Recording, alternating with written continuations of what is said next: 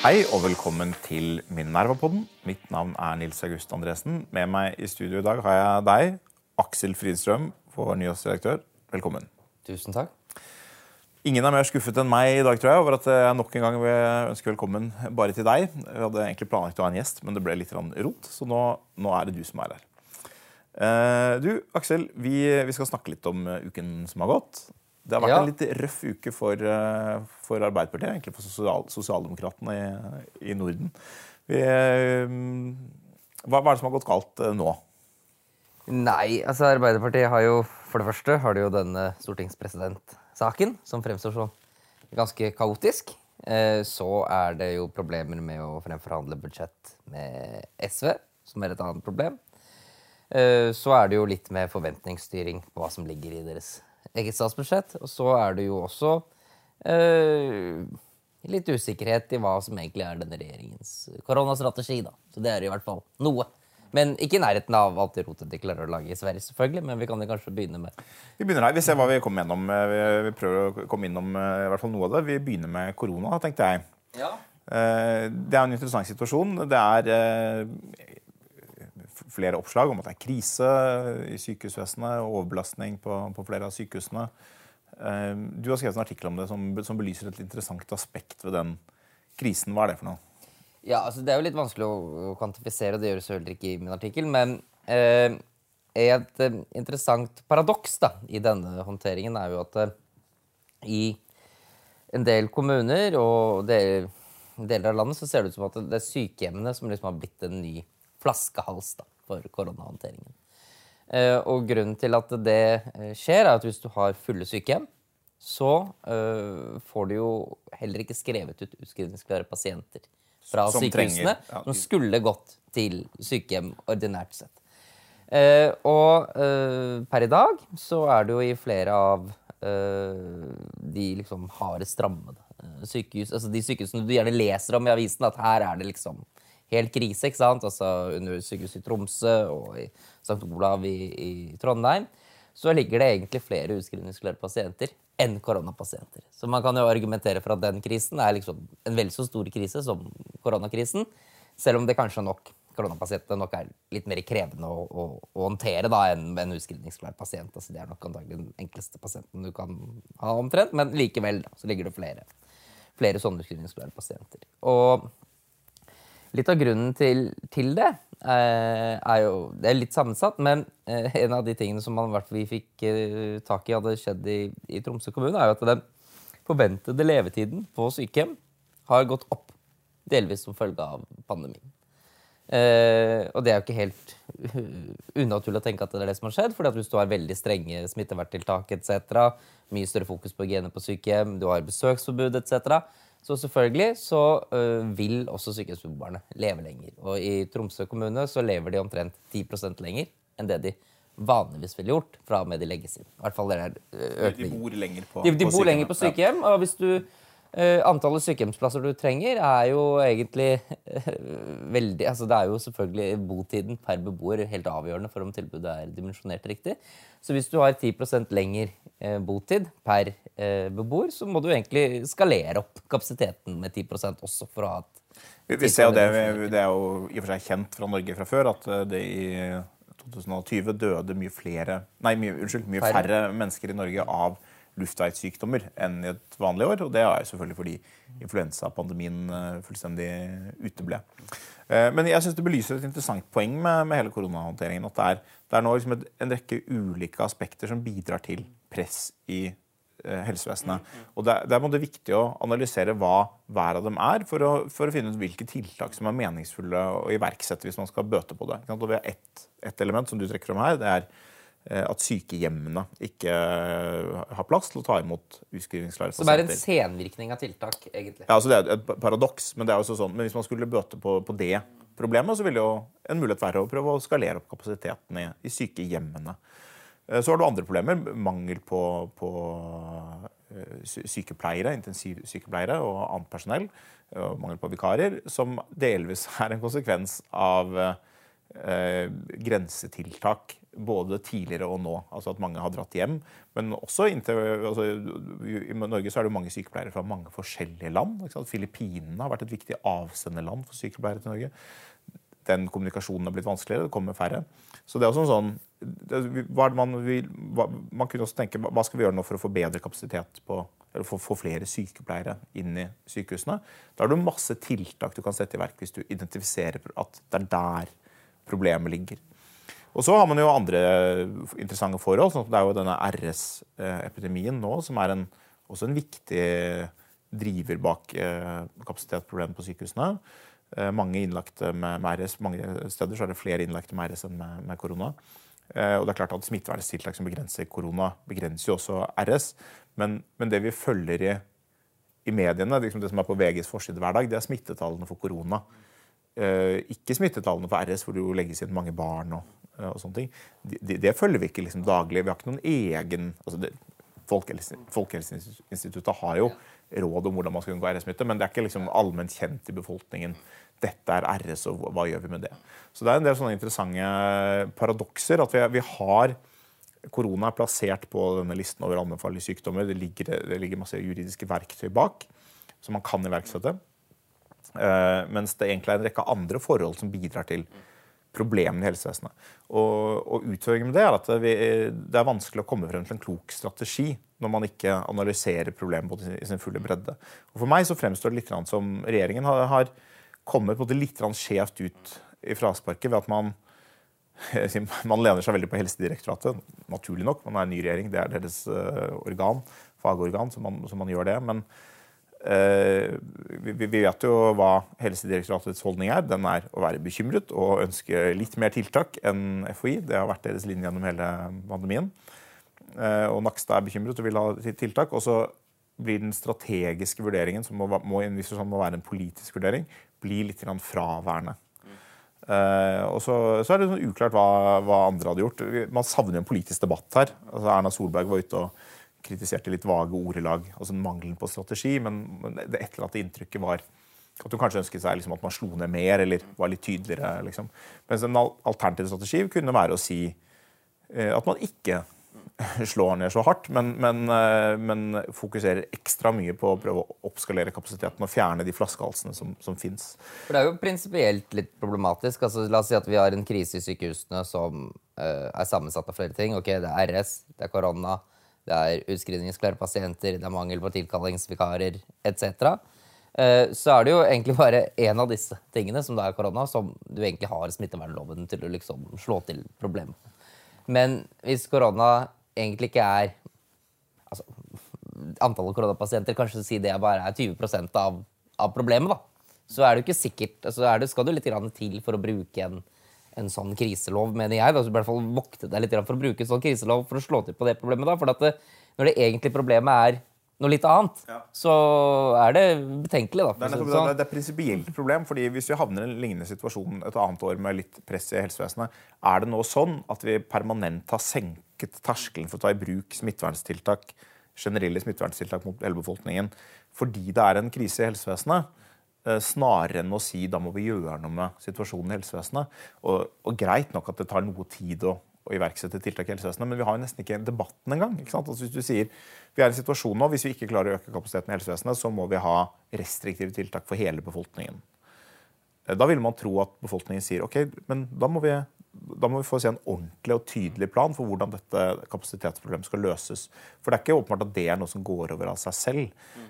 Og jo mer smitteverntiltak man har ett år, jo jo mer problemer kan man skape for seg selv året etter, fordi man får en immunitetsgjeld som må betales tilbake. og Det er det vi ser nå med, eh, med RS. Nå er Tiltakene i Norge skal sies, de er jo relativt milde. så Det er et, stort, det er et interessant prinsipielt problem. Men det er også et problem med at de er, de er på en måte så milde at det er helt tvilsomt om de har noen effekt. Ja. Men, men allikevel har de har en kostnad, men ingen, ikke nødvendigvis noen effekt. og Det gjelder bl.a. Si, grensetiltakene, eh, som består av en type registrering og testkrav og sånn det, kan, det, er ikke så fryktelig inngripende, men, men, det er problemer for de som har eh, familie utlandet, forskjellige sånne type ting, så er disse karantenekravene og en del andre krav ganske inngripende. For folk flest, som ikke kanskje reiser så mye nå under pandemien, så merker de ikke noe til det. og Derfor er det tiltak som har veldig lav politisk kostnad. Mens for en liten gruppe så kan det ramme, skape veldig mye tull i hverdagen. Og si så- bare si en ting Ja. til, og det, og det er på disse koronapassene også. Det er sånn, at De aller fleste er vaksinert, og veldig mange har, tenker at de som er uvaksinert, er noen idioter. Og det, det er det helt sikkert mange av dem som er også. men, men Eh, Men derfor er det veldig lav politisk kostnad å innføre koronapass. Men fordi de fleste er vaksinert, eh, så har det heller ikke, og fordi vaksinene ikke beskytter eh, så godt mot smitte, er så- eh, er, så er eh, effekten av tiltaket moderat, sier, eller ganske liten. Og det sier FHI også, at dette er ikke et liksom, veldig effektivt tiltak. Og det er et tiltak som, som eh, i en viss forstand truer litt den norske vaksinemodellen, som har vært så tydelig fundert på frivillighet, og, og som har lykkes veldig godt. Jeg skjønner godt at i land hvor man ikke lykkes med frivillighet, så er dette et mye vanskeligere spørsmål. Hvis du bare har halvparten av befolkningen som, eh, som er vaksinert, og, hva skal du gjøre? Du har, du, har noen veldig store utføringer, men i Norge hvor liksom, ikke sant, 98% av aldersgruppen, 99% av aldersgruppen mellom 75 og 84 er vaksinert, Uh, av dem over 80, 85 så er det litt lavere. Og det er nesten helt sikkert uh, mest fordi det er noen som er for syke til å vaksineres. Men, så blant de eldste så er liksom absolutt alle vaksinert. Blant de yngre så kan det være ulike grunner for at man ikke er vaksinert, som du har snakket litt om, om før. Så, så ved å måte gå inn med den type tiltak så setter vi den modellen litt under press, hvor folk føler seg mer stigmatisert og, mer, og kanskje blir mer øh, fastner mer i sin vaksinemotstand enn det hadde trengt å være. da. Så, så det er et tiltak med sånn uklar effekt, men en, en potensiell kostnad. Uh, og det er spesielt problematisk når det er uklart hva som er det strategiske målet med å bruke disse tiltakene.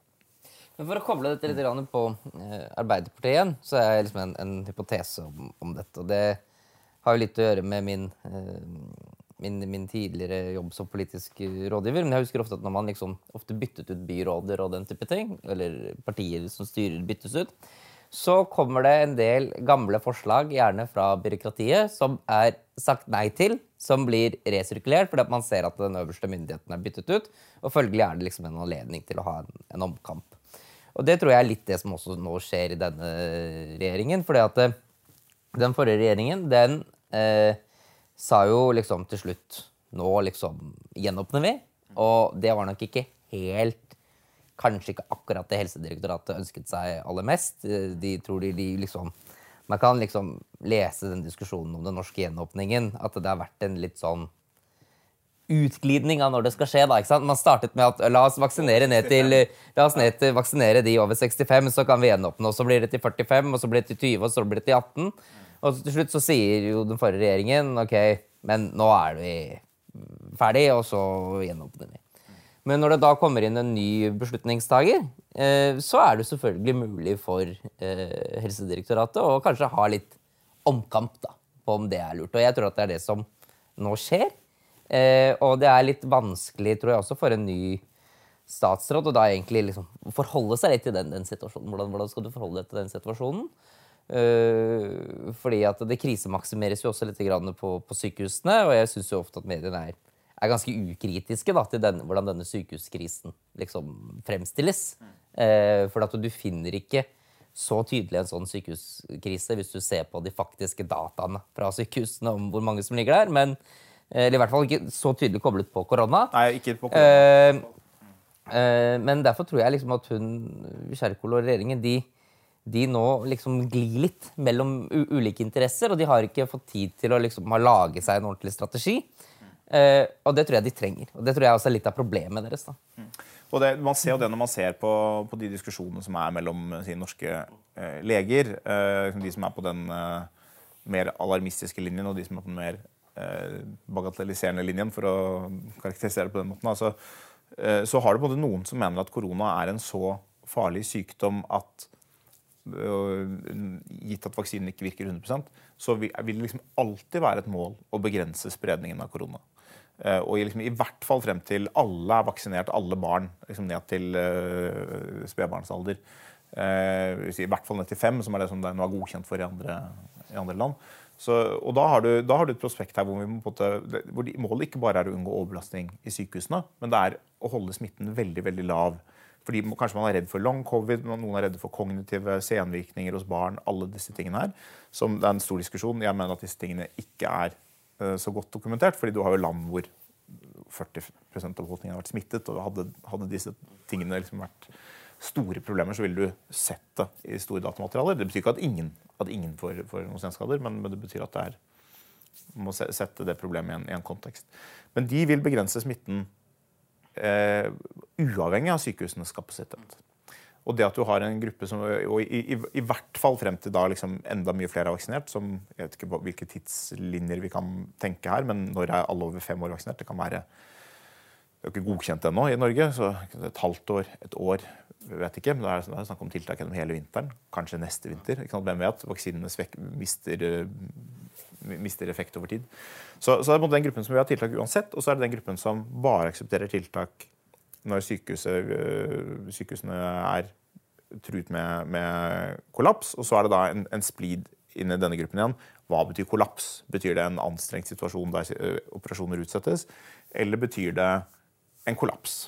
Som var det vi snakket om tidlig i pandemien. Da snakket vi ikke om at man måtte utsette noen operasjoner, men da snakket vi om at 5000 pasienter samtidig, og alt sammen bare rakner. Og mitt inntrykk er at du har sånn, sånn eh, Nyborg, den, den, Dag Svanes, en del av disse debattantene som, som har vært tydelige på den, den, strenge linjen, da, de vil begrense smitte for enhver pris. Nesten. Det virker i hvert fall sånn. Ja. Og så er det Nakstad. Han er uklar. Altså, Nakstad, øh, Nakstad lener seg litt hit og litt dit. Han hører jo litt på den gruppen. Øh, men han øh, for, Han formulerer det omtrent som at syke, i sånne sykehustermer, men med ganske Eh, men, men, det er ikke så mye, mye, press det skal være i sykehusvesenet før han syns det er for mye press. Eh, og han er, kommer liksom fra helsevesenet og er opptatt av at helsevesenet skal ha det bra. liksom. Og så har du FHI eh, på, på, den andre siden, som er mer opptatt av at hele samfunnet skal, skal ha det bra. holdt jeg på å si også. Og I den tidlige fasen i pandemien så kan man kanskje si at denne FHI-linja den undervurderte litt faren for en sånn ordentlig helsekollaps. og, og Uh, og, og, det var i hvert fall ikke synlig i de dokumentene de, nei, de la frem, fall, hvor, ja, hvor, hvor ja. alvorlig Og så ble det fort skapt et inntrykk av at de sto der, og, og Helsedirektoratet sto der. Og da ble det naturlig for politikerne å, å sikre seg litt da, ved å høre mer på direktoratet si, i noen typer spørsmål. Men nå er vi i en liksom annen type pandemien, og man må gå gjennom det på nytt. Men uh, jeg tror vi skal gå videre til, uh, til neste sak, Aksel. Ja, Hva vil du diskutere, da? Jeg tenkte vi skulle snakke litt om uh, Arbeiderpartiet og stortingspresident Rot. Ja. Mm. Ja jeg syns det var veldig morsomt å lese i um, Nå har de jo funnet en uh, president, da, men det var veldig morsomt de dagene hvor de var på jakt. Hvor de måtte Det var skrevet i, i NRK at de, det var krevende leting, for at de måtte finne en som var både erfaren parlamentariker men som også hadde rent vandel. Det, så jeg skjønner, jeg skjønner, at det tar litt tid å komme frem til hvem det skulle være. Men nå er det klart, det. Masud Gharahkhani. Og det syns jeg er et ganske, det er et flott valg. Du har to sånne sirkler som overlapper. Du har folk som har plettfri vandel, og så har du folk som har sittet mer enn fire år på Stortinget. Og så er det en bitte lite sånn som, hvor det overlapper. Da. Der, der er Masud Gharahkhani. Veldig hyggelig. Eh, men det er jo da også mulig selvfølgelig at eh, Arbeiderpartiet kanskje har satt denne terskelen for når man har plettfri vandel, kanskje litt, litt høyt. For de har jo da denne diskusjonen med han Myrli, som da uh, har vært kalt inn for uh, jeg vet ikke, uh, bakgrunnssjekk nærmest, hvor det kom frem at han hadde, han hadde kjæreste på 90-tallet. Han har vært alltid en grovis på et, 2000 i 2000-tallet. Og det siste det var at han videresendte et bilde av noen lettkledde damer som måkte snø. I 2009. I 2009, ja. ja. Så det, er klart, det kan ligge mer i disse historiene. Det er, det er interessant, fordi det er sånn offentligheten aldri får ordentlig innsyn i. Hva ligger i denne, Ligger det noe mer trøblete der? liksom? Det, det, er vanskelig å si. Det er det inntrykket som blir skapt, og det som er problematisk med en sånn. Det, kommer rykter ut. Det skaper et inntrykk av at et eller annet uh, upassende uh, har skjedd eller ikke har skjedd. og Det er vanskelig å liksom, renvaske seg fra det. Men det morsomme er nå at Stenseng, Kjersti Stenseng, partisekretæren i Arbeiderpartiet, sier at det var ikke disse sakene som var liksom viktige. Det var en helhetsvurdering. Ja. Uh, men da er det jo sånn da er jo spørsmålet hvorfor hadde jeg mine tilbakgrunnssamtaler i det hele tatt? Altså hvis det ikke var, eh, De vet jo hvem han er, han er jo, var jo visepresident allerede. Så, så, hvis det ikke var disse sakene, da hadde de jo ikke trengt å ha minne til sjekk i det hele tatt. Da kunne de bare sagt det blir Karakani fordi vi ønsker å ha en minoritetsperson, eller fordi vi ønsker å ha noen fra Drammen, eller fordi gud vet, et eller annet. Eh, men eh, de hadde ham inn til denne samtalen, og disse tingene ble tematisert. Det er, liksom, det er litt vanskelig å tro på, tro på, det helt, men det viser også noe med Det er litt vanskelig å tro på at de sakene kan ha vært noe viktig. Ja, altså det, det, er vanskelig å tro på det også, altså, med mindre det ligger noe mer i det. Men eh, Det kan kanskje være tungen på vektskålen. det er ikke så godt å si. Men, men det viser noe om maktkampen i Arbeiderpartiet. At det skal veldig lite til før, uh, før det kommer historier. På den annen side skal det kanskje, altså Myrli selv det var vel han som på mange måter gikk ut i mediene med at dette ble brukt mot meg. Eller så ville Ja, ja, mediene kanskje det, grise han, det er han som er kilden på den informasjonen. så, så, så, så, ha, så historien kan jo brukes på en måte av begge. Det kan brukes, du, du burde ikke få jobben pga. disse historiene. Og så kan det brukes som 'jeg fikk ikke jobben pga. disse urimelige historiene'. Så det brukes liksom av begge parter. Det er ofte ganske stygge maktkamper i Arbeiderpartiet om et, eh, om et verv som ikke egentlig er veldig stor politisk betydning. Det er en, et seremonielt verv, selvfølgelig personlig prestisje. Men, men eh, det er interessant at det er såpass stygge maktkamper i et parti som akkurat har havnet i regjering og egentlig burde være et fornøyd parti. Vi har snakket før eh, for noen uker siden Aksel, eller hvert fall skrevet om eh, problemene innad i, Høyre, i Oslo Høyre, hvor det har vært ganske bitre maktkamper også det siste året. Først gikk Øystein Sundelin, som var gruppeleder i, i bystyregruppa, eh, ble presset ut. Og så ble Heidi Nordby Lunde, som var leder i, Oslo Høyre, presset ut.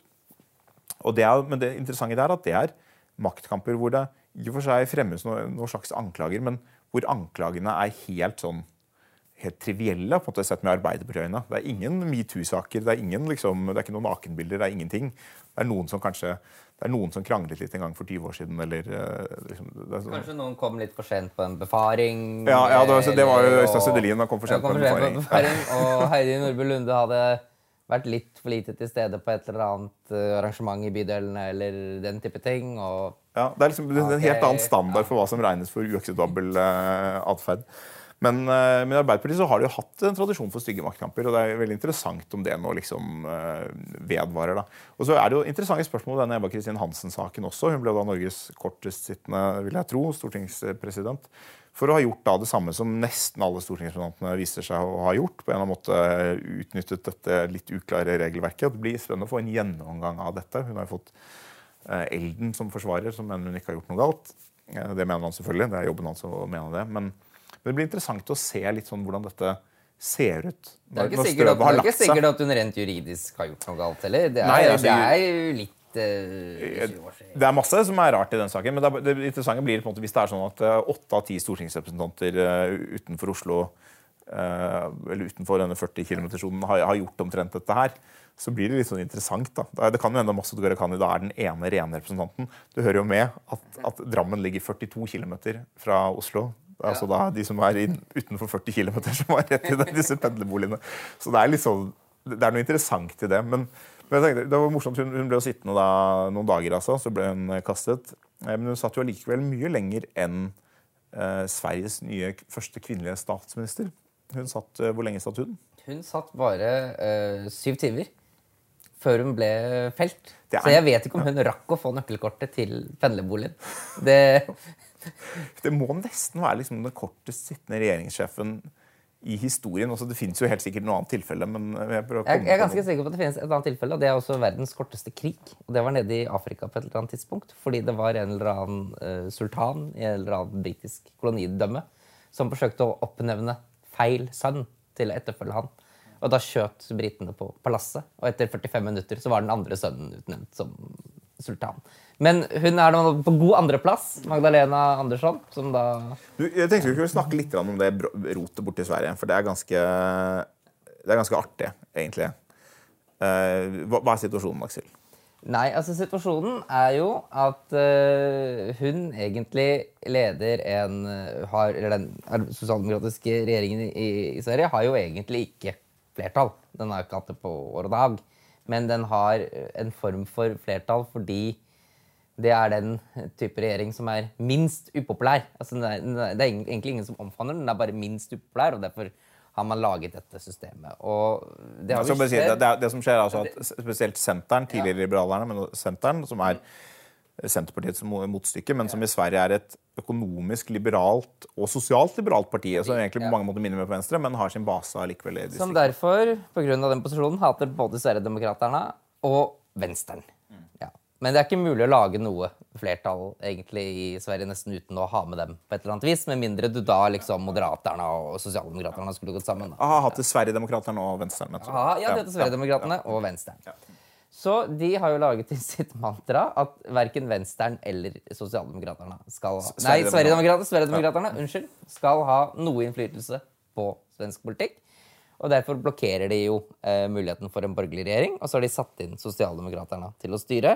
Men de nekter at Venstren, som er en del av det parlamentariske grunnlaget egentlig til Sosialdemokraterne, skal ha noe innflytelse. Og i dette tilfellet så har jo da Venstren vel fått forhandlet inn med Sosialdemokraterne at minstepensjonene i Sverige skulle opp. Og det mente nå senteren at det var så uakseptabelt at de fikk gjennomslag for det, de høyere minstepensjonene. Så da stemte de for et annet uh, budsjettalternativ, som er utformet av Moderaterne og Sverigedemokraterne og Kristendemokraterne. Slik at Sosialdemokraterne da blir tvunget til å styre på et statsbudsjett de ikke har laget selv. Ja. Fordi Magdalena Andersson hun gikk jo da som statsminister, men hun kommer tilbake igjen. sannsynligvis uh, as we speak, uh, holdt jeg på å si. Og hun har vært i en regjering med Sosialdemokraterne og Miljøpartiet. Nå kommer hun tilbake som en ren uh, sosserne-regjering. Som da skal styre på et budsjett som er utarbeidet av de tre partiene som ligger lengst til høyre. Så det er, vi kan sammenlignes med Norge. for i Norge så har jo har jo, både, Senterpartiet har jo litt samme holdning i viss forstand. ikke sant? De ønsker ikke å ha med Frp, og de ønsker ikke å ha med SV. SV. Men, men, det de gjør da, er at de går sammen med Arbeiderpartiet og danner en regjering hvor de selv er med å utforme budsjettene. Det gjør ikke senteren i Men det gjør ikke senteren i, Sverige. Så det som er at Da har de liksom denne, denne situasjonen hvor Det, er jo ikke noe sånt, det finnes jo ikke noe flertall med senteren og Sosialdemokraterne. Og heller ikke med Miljøpartiet. De er avhengig av Venstrepartiet for å ha flertall. Men de sier at de får ikke lov av innflytelse. Og de andre får heller ikke lov av innflytelse. Så de er liksom avhengig av at eh, noen andre partier stemmer på noe de ikke mener. Det er jo veldig puritansk. Det er jo egentlig ingen får lov til å la innflytelse. Ja. Selv, selv, ikke senteren får lov til å ha innflytelse. For det er jo i realiteten det de sier. For nå har jo da senteren De går jo inn for å stemme for et budsjett, eller et flertall, som Sverigedemokraterna er en del av. Men det flertallet får jo ikke lov til å styre, for da er Sverigedemokraterna med. Så det, senteren kan jo ikke da være med å danne regjering, som senteren selv er en del av, for da vil Sverigedemokraterna ha litt innflytelse. Så Derfor mener de at sosialdemokraterne, som ikke har vært med å lage budsjettet, de er rene nok til å kunne styre Sverige. Ja, det er akkurat det. Så, så, Sosialdemokraterne får lov å styre på bakgrunn av det budsjettet fordi de er uenige i det. Ja. Men hadde de vært enige i det, da ville de ikke fått lov til å styre. Så det er, eh, for, for jeg husker Alternativet her ville jo vært at Senteren dannet regjering sammen med, med Moderaterne, Kristdemokraterne, Liberalerne eh, og styrte på dette budsjettet som Sverigedemokraterne da ville stemt for. Alternativt, mer logisk, at eh, denne allianseregjeringen, Senteren, Kristdemokraterne, Liberalerne og Moderaterne, at de utarbeidet sitt eget budsjett uten Sverigedemokraterne, som Sverigedemokraterne så stemte for. Det er det som ville skjedd hvis, hvis Senteren hadde villet. Men det vil de da ikke. Altså, de vil ikke sitte i en regjering som, som får denne støtten. Det er, ganske, det er ganske interessant. Så I stedet så får Sverigedemokraterne være med å utforme budsjettet som sosialdemokraterne får lov til å styre på.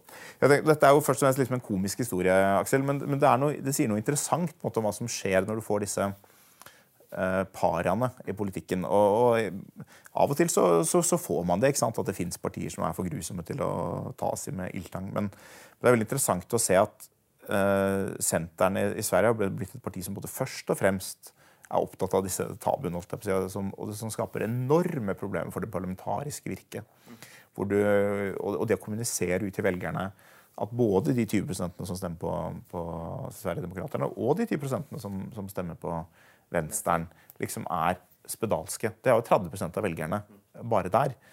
Uh, og det, det, skaper ganske store problemer. Og det, det fører jo da til det veldig store demokratiske problemet at ingen egentlig er ansvarlig for den politikken som føres. Sosialdemokraterne, som jo egentlig paradoksalt nok er villig til å ta ansvar, eller ta ansvar, er villig til å sitte i posisjon på et budsjett som er opposisjonens. Det burde de jo ikke vært villig til, men det er de villige til. Fordi de vil ha de taburettene. Og fordi de også sier at det viktigste er å unngå at Sverigedemokraterna er i nærheten. Ikke, ikke, er i regjering, som ikke er et alternativ, men er i nærheten av det. Er i nærheten av ja. Så, så, fordi alle sammen sier det, så er det ingen som egentlig er ansvarlig for politikken. Heller ikke senteren. Man kunne tenke seg at senteren brukte situasjonen til å på en eller annen måte diktere litt sin egen politikk. Men, men de heller, det, er heller, det, er ikke deres budsjett man stemmer for, og de sitter ikke i regjering og tar ansvar for den. Så de som sitter i regjering, er på en måte ikke ansvarlig for den økonomiske politikken eller andre aspekter ved politikken som føres. Og det er klart at det er et ganske stort demokratisk problem. For hvem er det velgerne skal gå til når de er misfornøyd? Og, og, på sikt så kan det føre til at de går til Venstre og Sverigedemokraterna. i større grad. Det er jo egentlig ganske logisk å gå til de to partiene når det egentlig ser sånn ut. Ja. Så det er, eh, Man kan jo både si mye om den, eh, om den konstellasjonen som var i Norge de siste åtte årene, med de interne uenighetene som var der mellom Fremskrittspartiet og Venstre og KrF. Men det å inkludere Frp og få dem til å ta, ta medansvar for budsjettet, og at velgerne så kunne liksom bedømme, bedømme den innflytelsen de eventuelt fikk, og hvor, hvor god eller dårlig den var. og hvem det skulle reflektere negativt på. Det er ganske viktig for å, for å øh, fortsette å ha et funksjonelt parlamentarisk system. At partiene står til ansvar for det de mener, og at velgerne kan bedømme hvilken jobb de egentlig gjør.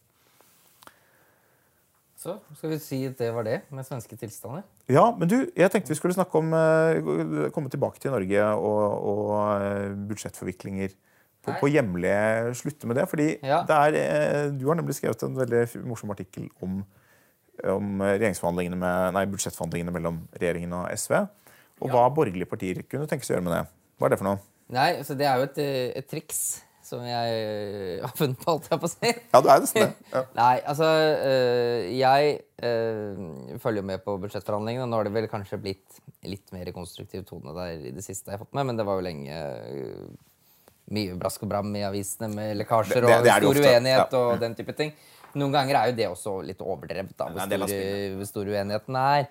Eh, partiene er jo interessert i å få frem at det er uenighet også for å dyrke hva uenigheten handler om deres eget profil. Men jeg foreslo, eh, og det står jeg for, eh, det er jo at de borgerlige partiene veldig lett kan sette hele SVs forhandlingsmakt ut av spill.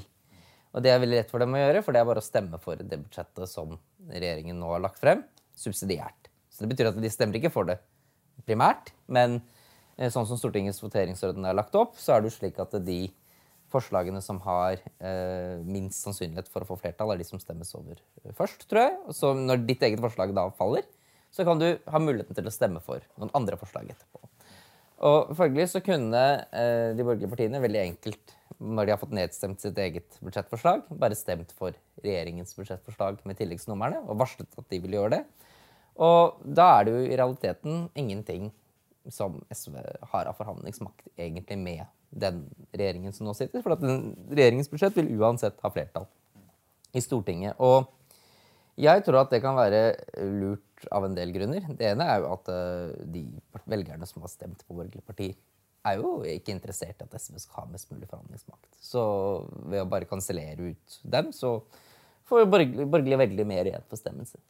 Det andre er jo at det eh, signaliserer jo en en viss konstruktivitet som de kan få glede av senere gjennom denne perioden ved å gjøre seg selv relevante og kanskje kunne få til andre ting. Det tredje er jo at hvis SV på et eller annet tidspunkt skulle finne på at de har lyst til å starte eh, regjeringsforhandlinger igjen med eh, den regjeringen som nå sitter, som ikke er jo helt utenkelig. Altså, det har variert jo nå i høstes, men det er ikke utenkelig at vi har en ny sånn runde. Så er det jo veldig fornuftig for de borgerlige partiene og har demonstrert helt tydelig at forhandlingsmakten som SV har, er veldig lav. Eh, slik at de ikke kan eh, ikke skapes en illusjon ut av at dere har mye forhandlingsmakt som de da kan bruke mot Arbeiderpartiet og, Senterpartiet. Så eh, det håper jeg de gjør. Jeg tror ikke de kommer til å gjøre det, men eh, det ville vært smartere. Så jeg synes Det er veldig interessant. Det, det er på mange måter et, et kinderegg for borgerlig side. fordi er, eh, sier, De viser at de er konstruktive, men det skaper også noen problemer for, spesielt for Arbeiderpartiet. Jo hvor i hvert fall en stor del av Arbeiderpartiet eh, ønsker et samarbeid med SV. Og man kan også tenke seg at kanskje budsjettet er gjort opp litt sånn at eh, det er meningen at SV skal få noen seire. Så, eh, så, hvis de borgerlige partiene stemmer for, så vil jo Venstre sin Arbeiderpartiet bli ganske sure over en del ting i budsjettet. Det tror jeg vi kan si ganske sikkert. Og, og over at man ikke samarbeider med SV. Samtidig som man jo styrker kanskje Senterpartiet ville sikkert vært ganske fornøyd med en, med en sånn situasjon. Eh, så man skaper på noen problemer for eh, regjeringen eh, også, som er ganske interessante. Og så er det nok veldig vanskelig for dem å avslutte samtalene med SV. Men det skaper, et, det skaper et lite problem for Senterpartiet også, og for noen i Arbeiderpartiet. at man Det fremstår da som om, og det er en realitet i, at man man er åpenbart ikke fornøyd nok med sitt eget budsjett til at man er villig til å liksom bare la det gå gjennom. Man, man, man, må få det utvannet eller, eller, eh, bearbeidet av noen andre før man tar det til Stortinget. Det er klart at Regjeringen har, en forståelig interesse av å å skape en konstruktiv relasjon til SV. Altså, selv om de borgerlige hadde stemt for, så ville de nok forhandlet med SV Ja, det, er det jeg sier. Altså, vi har, en interesse av det. eh, Men, men, det, men det skaper et paradoks, både reelt og liksom optisk, for, for velgerne. Og, og så er det jo Det er jo et argument i din eh, artikkel, Aksel, som er viktig at det er, det er en spesiell grunn til at dette lar seg gjøre ved dette budsjettet. Dette er jo ikke en, strategi man kan bruke gjennom hele fireårsperioden. Dette er et budsjett som bygger på det budsjettet som Solberg-regjeringen la frem, med relativt moderate endringer. Sånn er det alltid det første året i en ny eh, periode. Eh, som gjør at dette budsjettet er spesielt enkelt for de borgerlige å, å svelge. på en måte. Eh, og det er også sånn at dette, Når det kommer nå, så kommer det overraskende Hvis man hadde annonsert noe sånn nå, så ville det komme overraskende etter at tilleggsproposisjonen er fremmet. Det betyr at eh, regjeringen har ikke taktisk kunnet ta hensyn til at de borgerlige vil stemme for uansett. Hvis man nå hadde stemt for i år, la oss si at det faktisk blir realiteten, at enten Fremskrittspartiet, som er tilstrekkelig for flertall, eller Høyre skulle finne på å signalisere noe sånt, så, eh, så ville man til neste år ikke ha den samme måte, gleden av overraskelsen. Da kunne jo eh, regjeringen tenkes å, å legge inn veldig mye som eh, ville terge borgerlig side. Eller de kunne legge seg langt til venstre i landskapet.